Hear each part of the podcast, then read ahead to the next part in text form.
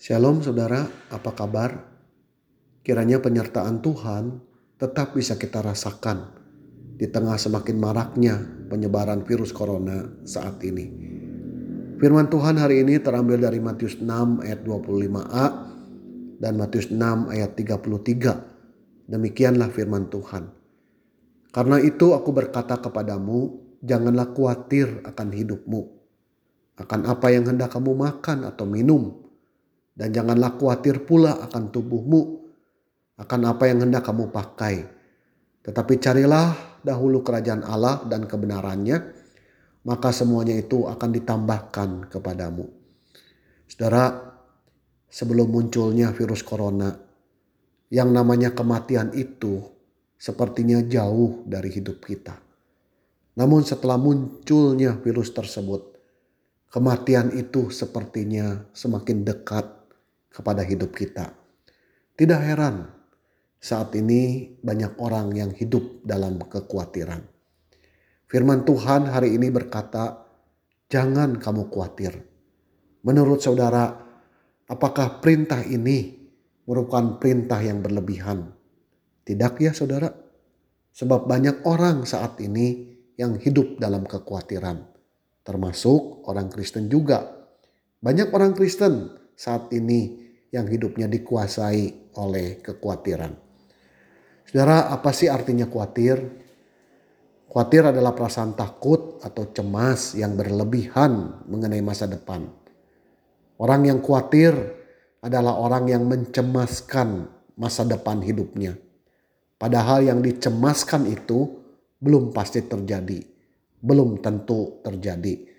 Namun siksaan karena cemas itu sudah dirasakan saat ini. Saudara, apakah orang Kristen bisa tidak khawatir? Menurut saya tidak bisa. Karena kita telah jatuh dalam dosa. Adalah sesuatu yang wajar apabila kekhawatiran itu muncul dalam diri orang Kristen. Namun begitu kekhawatiran itu muncul, kekhawatiran itu tidak boleh dipelihara, tidak boleh diperpanjang, harus buru-buru dikat dan kita serahkan kepada Tuhan lewat doa. Jangan kekhawatiran itu diperpanjang. Jangan kekhawatiran itu dipelihara. Kenapa Tuhan Yesus melarang kita untuk khawatir yang berkepanjangan?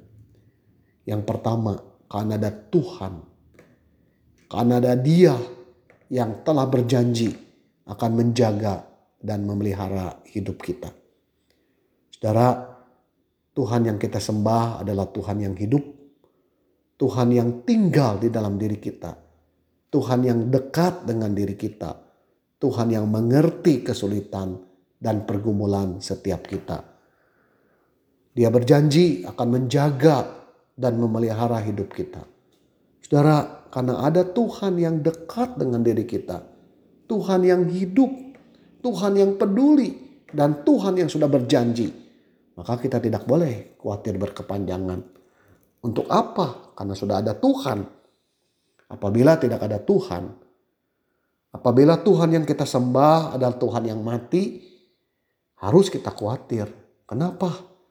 Karena dunia ini kejam, dunia ini jahat, dunia ini berjalan tidak bisa kita tebak. Bulan lalu kita masih bisa hidup normal, kita bisa lakukan apa saja yang ingin kita lakukan. Namun bulan ini kita harus banyak membatasi gerak-gerik kita. Karena ada virus corona bukan? Saudara siapa duga hal yang kita alami sekarang bisa terjadi. Tapi puji Tuhan sekalipun demikian dunia ini tetap ada di bawah kontrol Tuhan kita. Yesus Kristus. Saudara Tuhan Yesus yang kita sembah adalah Tuhan yang hidup. Tuhan atas alam semesta ini. Saya percaya tidak ada sesuatu pun yang bisa terjadi tanpa izin daripadanya. Amin saudara. Oleh karena itu tidak usah kita khawatir. Di luar sana memang ada virus corona. Tapi kalau Tuhan tidak izinkan virus itu nempel di dalam diri kita. Maka virus itu tidak mungkin bisa nempel di dalam hidup kita. Memang kita harus waspada. Memang kita harus hati-hati. Jangan kita cobai Tuhan. Tetapi saudara percayalah. Semua itu ada di dalam kendali Tuhan. Yesus Kristus Tuhan kita. Oleh karena itu jangan khawatir. Daripada khawatir, Tuhan Yesus memerintah kita untuk perhatikan ayat 33. Carilah dahulu kerajaan Allah dan kebenarannya. Maka semuanya itu akan ditambahkan kepadamu. Kita diminta untuk mencari kerajaan Allah dan kebenarannya. Kata mencari menunjuk kepada perjuangan atau usaha yang dilakukan dengan kesungguhan hati. Usaha atau perjuangan yang terus-menerus dilakukan secara konsisten. Hingga dengan usaha atau perjuangan seperti itu, akhirnya kita mendapat apa yang kita cari. Saudara yang dikasih oleh Tuhan, kita diminta untuk sungguh-sungguh hidup bagi Tuhan kita diminta untuk sungguh-sungguh taat kepada perintahnya. Kita diminta untuk sungguh-sungguh satukan dia. Maka dia berjanji akan mencukupkan segala kebutuhan kita. Amin saudara. Yang kedua, kenapa kita tidak boleh khawatir berkepanjangan? Karena khawatir adalah kebodohan yang paling bodoh. Saudara, tahukah kita ketika kita khawatir, kita harus menanggung beban ganda beban sekarang ini dan juga beban masa yang akan datang. Bukankah sekarang ini hidup kita sudah cukup berat? Hidup kita tidak luput dari yang namanya masalah, kesulitan dan penderitaan. Jangan sampai beban hari ini yang sudah cukup berat ditambah dengan beban khawatir masa depan yang juga berat. Ya. Saudara, kita tidak akan kuat menanggung beban sekarang dan beban yang akan datang. Firman Tuhan berkata, kesusahan sehari cukup hanya untuk sehari. Orang yang khawatir saudara menanggung kesusahan hari ini dan juga kesusahan masa yang akan datang. Saudara perhatikan baik-baik.